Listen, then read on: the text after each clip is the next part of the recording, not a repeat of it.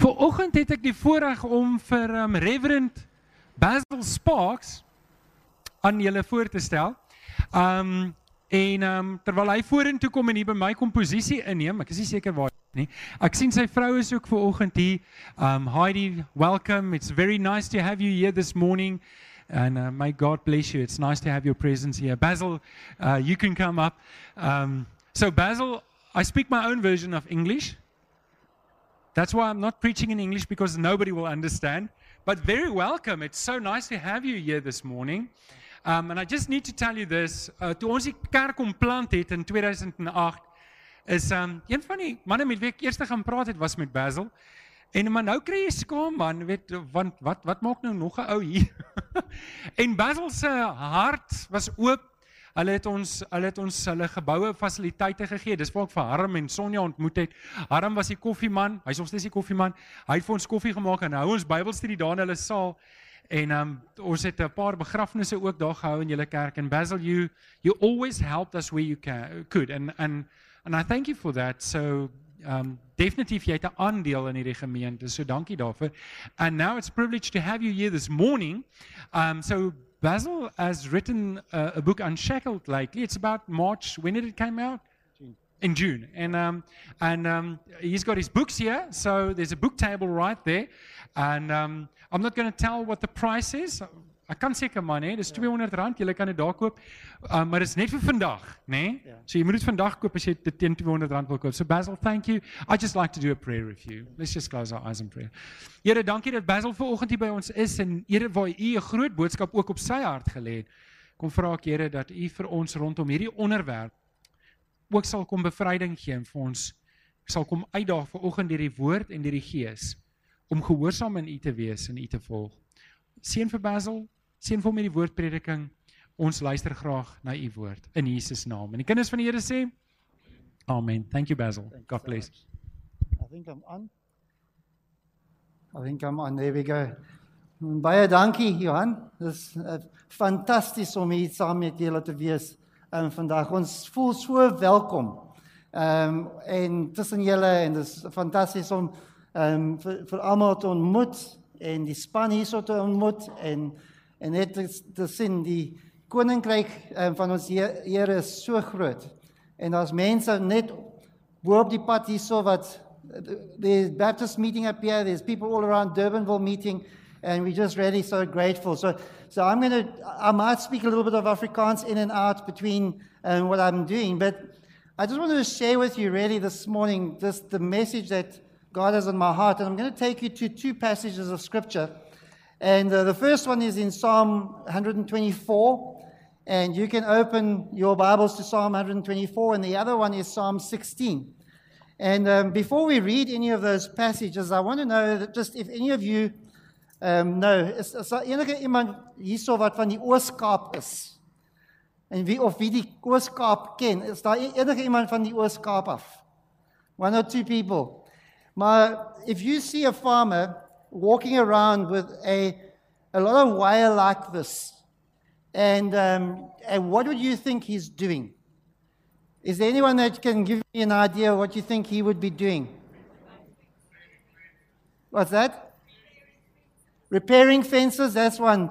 Now, there's one thing that a farmer hates, and um, especially in the Eastern Cape, because in the Eastern Cape there are goats, there are sheep, um, there are um, cattle, there are kudus, there are bushbuck, there are all kinds of animals and game. But one of the things that a farmer will hate is what I have in my hand here um, this morning. Not the wire, the wire is used for all kinds of things, but these really are, are snares. And uh, a snare really is something that, and we'll get back to that in a moment, where what happens is poachers will come onto the farm and uh, they set snares. And what happens is they will build a snare, and, and, I'm going to try and quickly build one, see if I can get it right here this morning, um, and just try and make one, show you what, how they done. And, um, and so what happens is a snare is built, and I'm not going to build it properly, um, but just cross it over with a loop.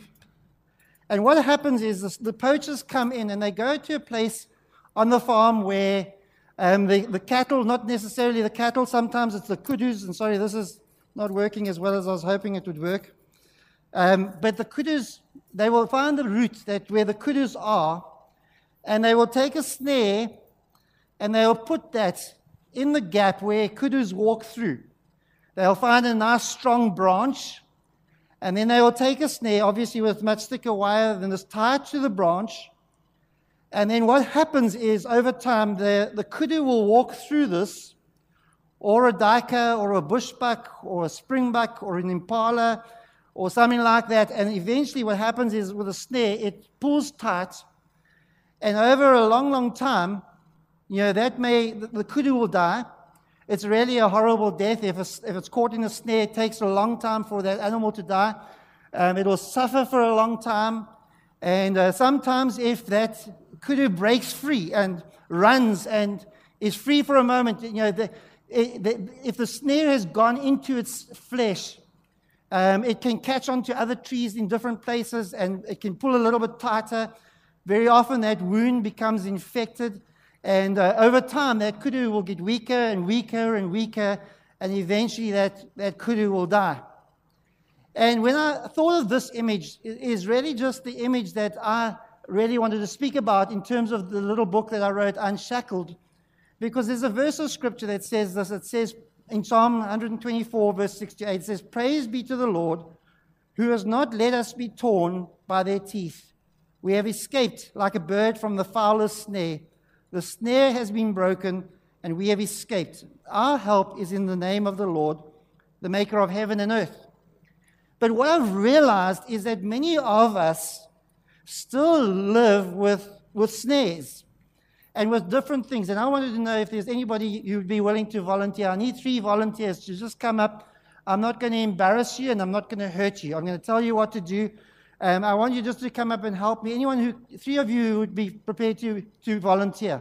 Some brave people. Thank you. You can come and join. Two more. We still need another two people. You can trust me. Uh, thank you so much.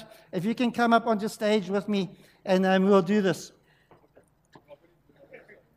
So what happens over? Thank you, guys. So what happens over time? That sometimes what what happens is you know we do things perhaps that we make bad decisions and bad choices. Or perhaps we have an issue with something that we're struggling with. Or perhaps there's some betrayal in our lives, or some person hurts us really badly, or we go through different kinds of pain and difficulty along the way. And uh, we, we are wounded by that. And I'm going to just give you, and if you can just, I'm going to put this around your head. And uh, I, you can just hold here, if you don't mind. Just hold there. Just don't give it to my wife. they won't do that. And um, so maybe that's, maybe those are a lot of bad decisions that you've made, and, and you're struggling with those, and, and they're an ongoing thing that you live with because as a result of those bad decisions, um, your family has suffered, your friendships have suffered, and it, it kind of is that thing that lives with you. And, or perhaps for you, it's like an identity issue. You're struggling with different identity issues. Uh, let's do both your hands. So let's really wrap you up here. Uh, escaped, yeah. or whatever it is, and now let's do a foot. And know, you make mistakes on an ongoing basis. And, and what happens with these, with these things, yeah, you can hold that there. What happens is that often our enemy, we find ourselves trapped in these things and never been able to live the life of fullness that God really wants us to live. You need to hold this because I'm going to pull in a moment. And, um, and so what happens is we, we, learn, we want to live the full Christian life. We want to be, we want to be um, victorious. We want to live um, full of Him. And, and what happens sometimes, though, is that these things stay with us and they have us trapped. And the, our enemy, the devil, knows this. And so what he does is he just says to us, remember those decisions. And all we're doing, we're living life, we're enjoying life, and he just pulls on this and he pulls a little bit of the life out of us. Remember those things that you did. Remember those, those bad things that happened. And he has us all the time because we're living trapped. And by the circumstances of our lives, by the decisions that have happened, by the betrayal in our lives, by the pain that we're carrying, by our identity issues, things that we're struggling with on an every single day basis. And, and he just can pull the right thing at the right moment and gain access into our lives. And thanks, guys. You guys have been fantastic. Let's give them a, a round of applause and as they do that. I didn't want to pull too tight on those.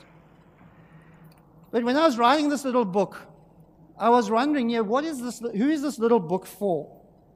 And um, we were part of a, small group of, of believers. Our, I have a, a, Bible study life group that meets in our home, and um, we are a group of 30 somethings. I'm the oldest one, I'm not a 30 something, I'm a 50 something, going on a 60 something. And, but they tolerate me, that group. And, uh, and I was listening to them talking. And I was realizing that many of the things that they were struggling with and things that were happening in their lives were things that I was struggling with or had struggled with, whether it was who I was in Christ and whether I'm enough as a person, or whether it is I, if I'm really truly loved, or will I make wise decisions even though I've made bad decisions in the past? Will I be able to overcome the circumstances of life? And I realized that what they were facing and struggling with was exactly what I was going through. In actual fact, when I wrote the, when I'd written the book, and uh, the Lord really just showed me in a very vivid, vivid way as to what and who the book was really meant for. And uh, I was going, and I just had the proof copy of this little book with me on the day. I hadn't had the, didn't have the printed copies with me at all. And I went to one of the local garages, the, one of the local Engen garages here. And um, I'd gone to, I'd got been down at Home Affairs, and I'd been waiting in queues at Home Affairs to hand in marriage registers and so on. And it had gone very long. Yeah, I'd gone there, I think at 12 o'clock, and I think I came out just before, just after 3. And I was a little hungry, so I went to the shop and I, I bought myself a pie. And as I was buying this pie, uh, a lady was started speaking to me, and I, I can speak Xhosa because I'm from the Eastern Cape. I've learned Xhosa from when I was a little boy. And uh, initially, we started speaking, and, and while we, she was serving me, she said to me, Sir, in English, she said, Sir, do you fight? And I'm like, That's such a strange question, such a random question for a stranger to ask me, Do I fight? And I thought, Well, I don't like fighting. I mean, uh, not, not many people do. Some people are confrontational. Other people aren't. We, some of us hate confrontation, even though we have to do confrontation. I think you probably can identify with that in some way. So I said, No, I don't really fight. Um, but, but she wouldn't let me go. She said, Do you fight? And eventually she swapped into Xhosa because she realized that I could speak Xhosa. And she, and she asked me, Do you fight? And I said, Well, what is it that you're saying? What are you really asking me? So she said, Do you fight on your knees? And I said to her, Yes, now we're talking the same language. Now I understand. I'm a believer. I love Jesus. Do you love Jesus? And I was fully expecting her to say to me, Yes, I love Jesus. And she said, No, sir. I'm so sorry, but I used to love Jesus, but there's just been so much that has happened in my life. There's been so much pain, so much misunderstanding, so much confusion. I, right now, I, I, I want to love Jesus, but I really, I really can't because there's all this stuff. Um, I feel trapped. And I can remember going to my car afterwards and going to the car, and I had just a proof copy, and, I th- and the Lord just said to me, Basil, this, this is the lady who needs this book. This is the kind of person that this book is going to minister to over the long term. It's not necessarily going to be for the person who has everything together and has all the things neatly lined up, but it's, it's for the wounded soldier. It's for the person who's been in the battle and, and you know, you've been walking hard with Jesus and you've been following hard after Jesus and and uh, things happen and decisions are made, and suddenly you find yourself wounded, and, and you come in and you sit with another soldier who's been in the same battle, and you talk a little bit, and you go out again and you carry on fighting, having been strengthened by that.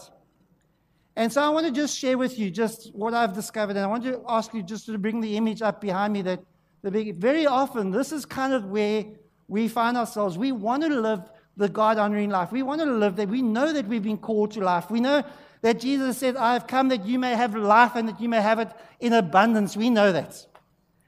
But something happens, whatever that thing is, whether it is an identity issue or whether it is a hurt or loss of control or loss of purpose or whether it's sin that has come in, we, we kind of, it snuck up on us and took us uh, off guard, and now it's there, and now the influence of that and the consequences of that are spilling out into our family and into our friendships and into everybody else's life. Perhaps it's just your struggles in your mind where you, where you, you want to, you want your mind kind of, you, you want to do one thing, but your mind is always telling you something different, telling you that you're useless, telling you that you're a failure, telling you this, and, and he's got you by the, the snare, by the wire, and every now and again the devil just pulls and, and reminds you. And remember, he's the great accuser.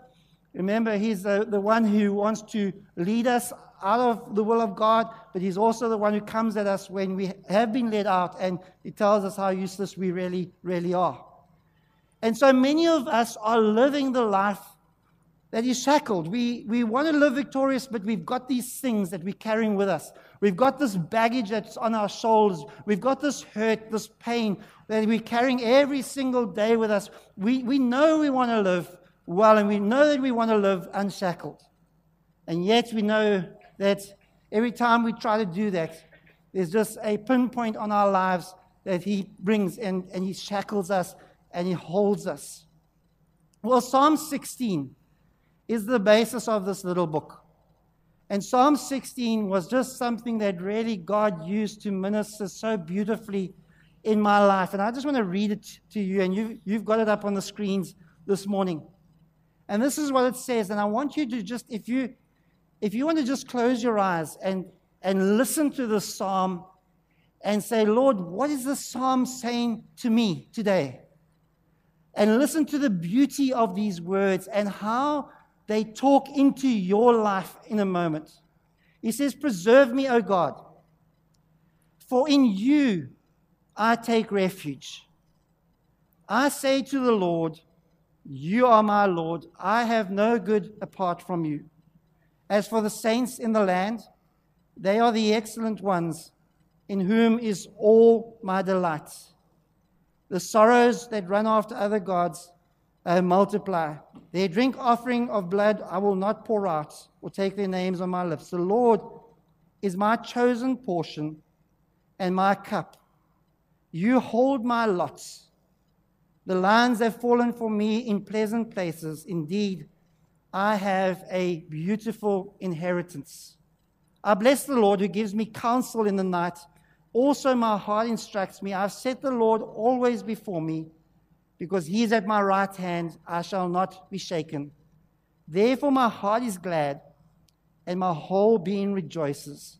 My flesh also dwells secure, for you will not abandon my soul to the Sheol, to Sheol, or let your Holy One see corruption. You make known to me the path of life, and in your presence there is fullness of joy. At your right hand there are pleasures evermore. So I want to just give you a couple of points and thoughts, and you've got them on your notes that you have in front of you, of how you can step out of the trap, how you can step out of the shackles that you're in. The first thought I want to just share with you this morning is by accepting that you are God's delight. By accepting that you are God's delight. Now, this is David, yes, speaking about the people of God and about how he delights in the people of God, but there are some beautiful, beautiful passages of Scripture that tell us that even though we are an unfinished work, there is this ongoing work of God's Spirit in our lives. It's not saying that we don't sin, it's not saying that we don't mess up, it's not saying that we don't have struggles along the way, but it's saying that you, as one of God's children, are His delight. In actual fact, there's this beautiful, beautiful verse in Zephaniah chapter 3, verse 17 that says, he rejoices over you with singing.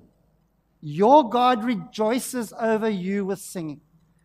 And I wonder how many of you need to accept that and receive that this morning. You need to know that your God is rejoicing over you with singing. I remember a couple of years ago, there was a, a little chorus that we used to sing, and, and one of the lines was, You are the apple of my eye. It's us singing that verse to God.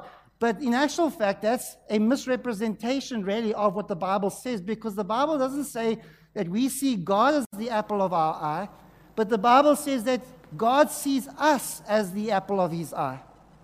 And he rejoices over with us with singing. And, and we're reminded so many different places of the scripture of who we are in Christ Jesus and how he has loved us. You're the called ones, you're the justified ones, you're the ones who have been adopted into the very family of God. By his Spirit, you cry, Abba, Father. And you know that you're chosen. You have his Spirit as a guarantee, a deposit, an inheritance that is incorruptible, that can never perish, spoil, or fade. All these things are things that God says over our lives.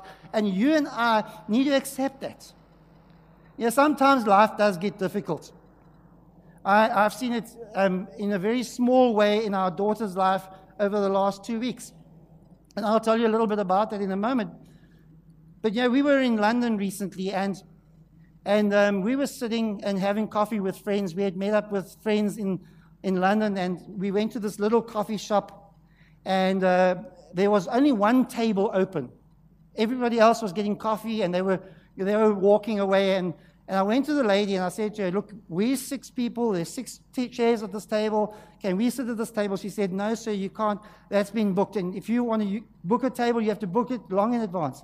So I said to her, No, but you need to understand that that there's nobody at the table at the moment. We will get up, I promise you, we will get up when the people come and we'll vacate the table. We just want to sit. We've been walking around the streets of London and uh, we, we just want to walk, we just want to sit. And she said, No, sir, you can't sit. I said, oh, Please, I know that you have the power to do this. And uh, I tried to persuade her to, to give us this table. Eventually, she said, Okay, when the people come, you need to go. Well, we sat down at the table. Maybe five minutes later, there must have been, I always, say, I always exaggerate this, there must have been like 20 pigeons on the top of the, we were sitting against the wall, and all 20 pigeons decided to poop on us at once. and of all people, I was the one who tried to persuade the lady, and I just got covered, like covered in the stuff. And I'm like, either it was a seagull that had diarrhea, or it was like 20 pigeons or something, but I was, I was just pooped on. You know, and sometimes life is like that. We, we sometimes just things go wrong one after the other. And in my daughter's life this last week, little things, not big things like some of you have experienced, some of you have gone through, but little things, just one after the other, one after the other, one after the, after the other, just went wrong over the last little while. And, and you know, eventually when that happens, it just wears you out. It just wears you out. And you find like you just like, how can I just carry on? Well, the one thing that you need to know is, is that you are His delight. And knowing that is one of the most incredible things that you and I can stand in, the truth that you and I can stand in. We, we also went to the National Gallery. And in the National Gallery, there are all these beautiful paintings, these originals of the Picassos and the Leonardo da Vinci's and the Michelangelos and the Rembrandts. That, and you stand before the real thing. And maybe that doesn't mean a lot to you, but for our family, we're an art loving family and we love that. And, we, and my, my daughter just wanted to see a Monet. That was her biggest dream to see the water lilies of, of the Monet. And, and we got there and, and she stood in front of that painting and she saw the real thing. You know, there's a verse in Ephesians chapter 2, verse 10 that says, You are God's work of art, His masterpiece created in Christ Jesus to do good works which he has prepared for you in advance to do. Now, now again, I'm not this is not some kind of self-help theology that's trying to say to you there's nothing that we have to struggle with, there's no challenges along the way, that we are people who have got it all together. That's not what I'm but, but that word poiema that the Greek uses is a magnificent word because it's actually saying you're God's poem.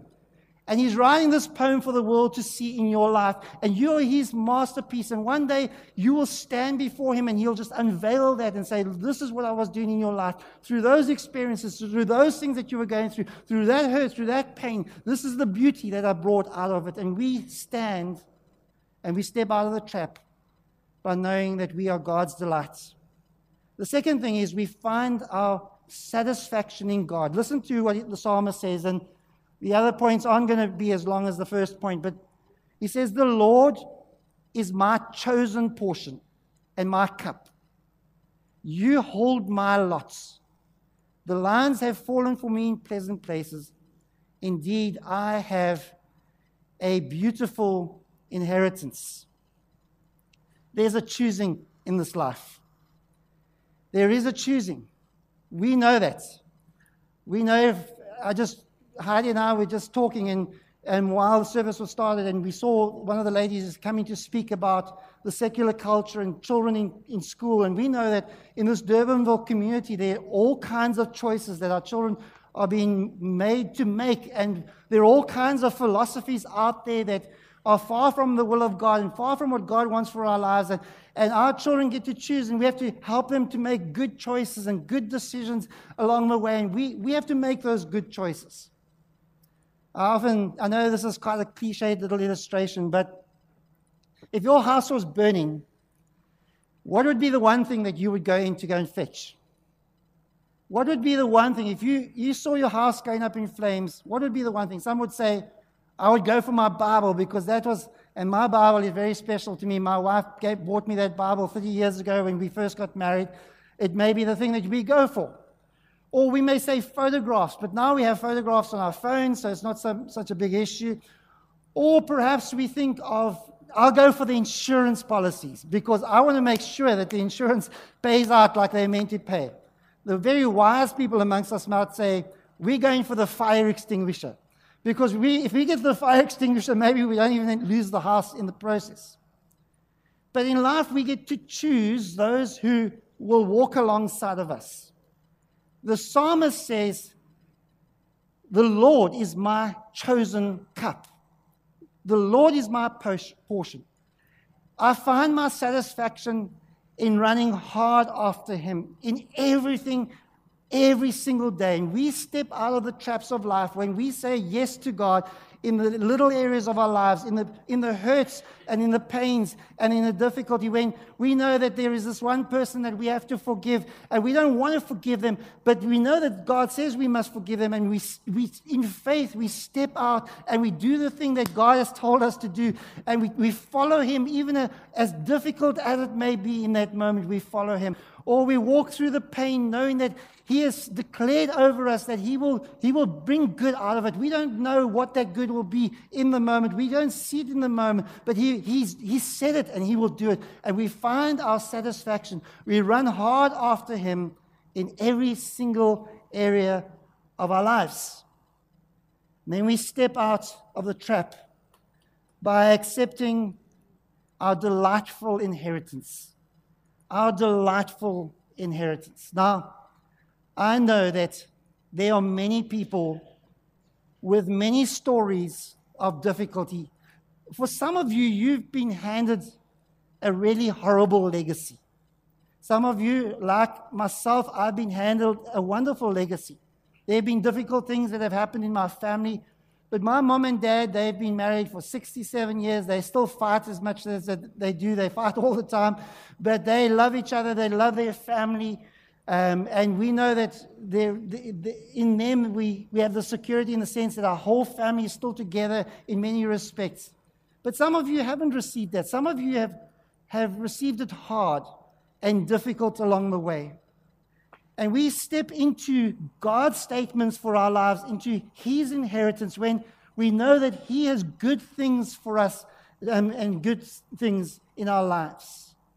And then the fourth thought is we step out of the trap by getting our counsel from God. I don't know if you've ever heard um, the until statements. I was walking well with God until that indiscretion.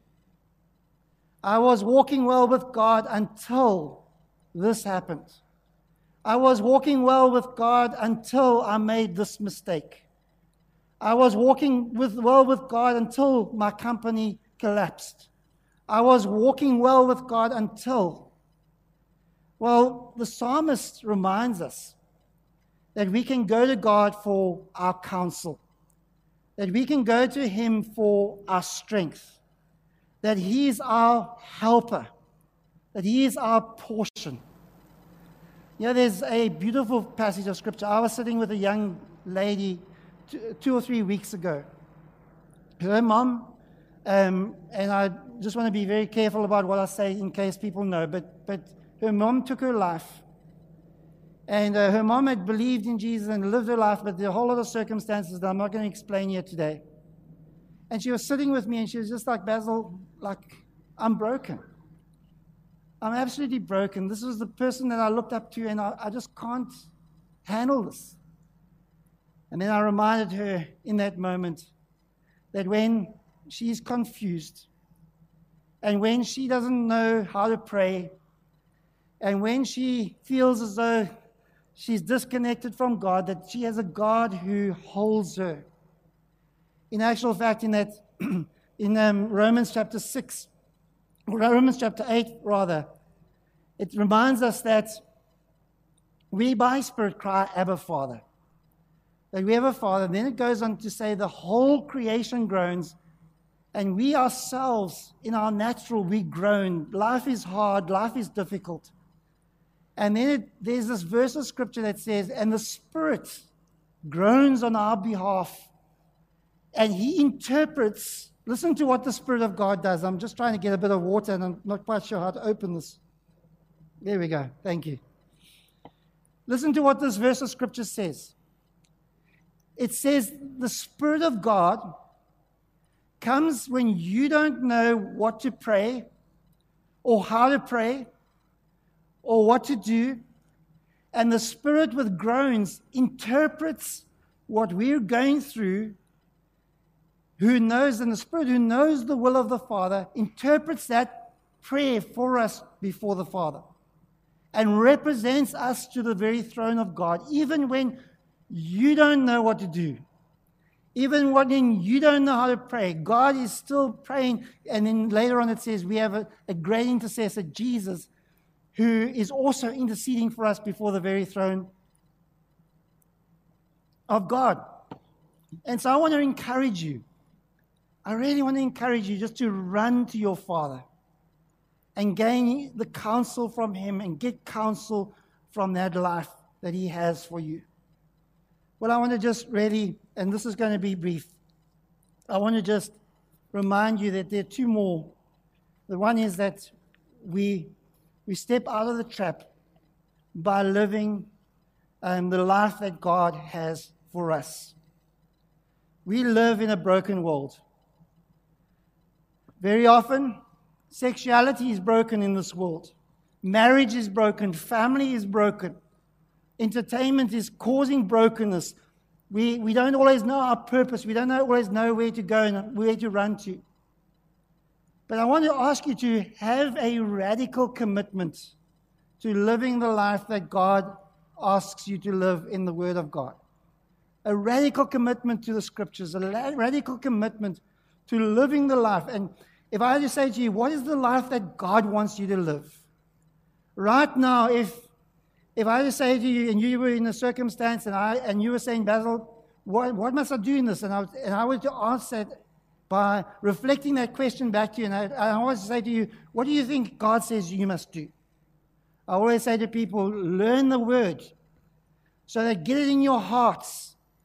Um, if you can't memorize the Bible, you know, read it over and over and over again so that in any given circumstance, the Spirit of God in you and the Word of God in you just comes out because now you're living the life and you're making good choices and good decisions according to what He has. Now, I said at the, at the outset this morning that there was a lady, and I need to go back and go and meet with her again and just chat with her about life and what she's been going through a week or so back, I was preaching at a different congregation, uh, and there was a gentleman in the church who was just like, she was, he was just thinking, this message needs to get to this particular person. And so, at a point in the service, which is at the end of what I'm preaching, I offer a book to anyone who wants a book. And he said, when I offered the book, his heart was just pounding because he had met this person who who really was a wounded soldier, who really was experiencing such difficulty and such pain. And he, he wanted to pass that on. And, and the more I've been thinking about it, I'm thinking that's the gospel of Jesus because we receive the gospel of Jesus and we pass it on and we help wounded soldiers. We help those who can't stand. We help them to stand. And so I want to offer the book. And if any of you today have been thinking of a particular person, I probably there are a lot of you have been doing this, and you would want to come and receive this book so that you can pass it on to them.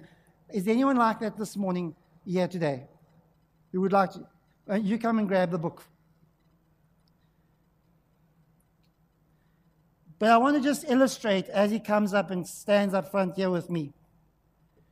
You see, the life that God offers is the life that He wants us to receive. He, he wants us to take hold of the life. He wants to, us to take hold of, of everything that He has for us. He wants us to take hold of the fact that you are the apple of His eye.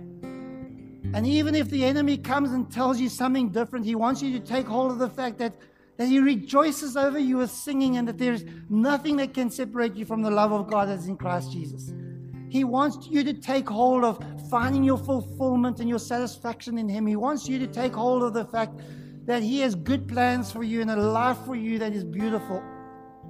But He wants you to take hold of it. And as I reach out, God is, no, I'm not trying to compare anything in, in sense of myself being God in any way, but God, the life that God has for us he wants to give it. He has a heart that is open to give. He's not going to give and then pull it away and then give and you know, tease us with it, basically. He wants us to take it. And He wants us to, to really live that life to the full of what we can. And so I want to encourage you, that person that you, that's in your mind, take it to Him. Sit with Him or sit with her and and talk through what you read and, and, and help them take hold. Thanks so much. Let's give him a round of applause. Thanks. To really take hold of that life. Now, I know that in a room like that this, this morning, there are probably many of you that have something that you're dealing with some shackle, some decision, some indiscretion, something that you've done that you shouldn't have done, some kind of failure. I know a friend of mine who, and a very good friend of mine, and and he was unfaithful to his wife, and he's an older man now, and you know for for years and years and years, he's a beautiful believer now. He's faithful to his wife. His wife loves him, but for years and years and years Every time he had thoughts, maybe God can use me, the enemy would just come. All he would do, he would just remind him just remember, you think you're doing well. Just remember that day. Just remember. And for years and years and years, he has had this snare around his heart and his, his life that has told him he can't even though he wants God to use him, he, yeah, he's failed. He's messed up. He's dropped the ball. And I just want to pray with you this morning. I want you just to bow your heads. And I just want to pray with you.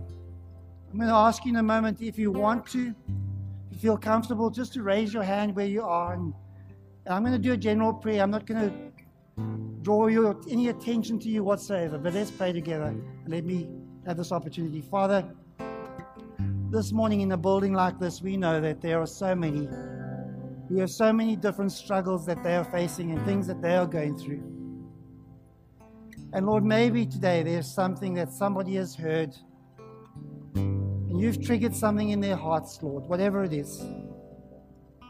if that's you this morning, won't you just raise your hand where you are? Don't be ashamed, don't be embarrassed. Thank you. You can put it down again when you're finished. Thank you. Anyone else? Anyone else who wants me to pray for you this morning? Thank you. You can put your hands down. Thank you. Hands going up all over the place. Any more? Thank you.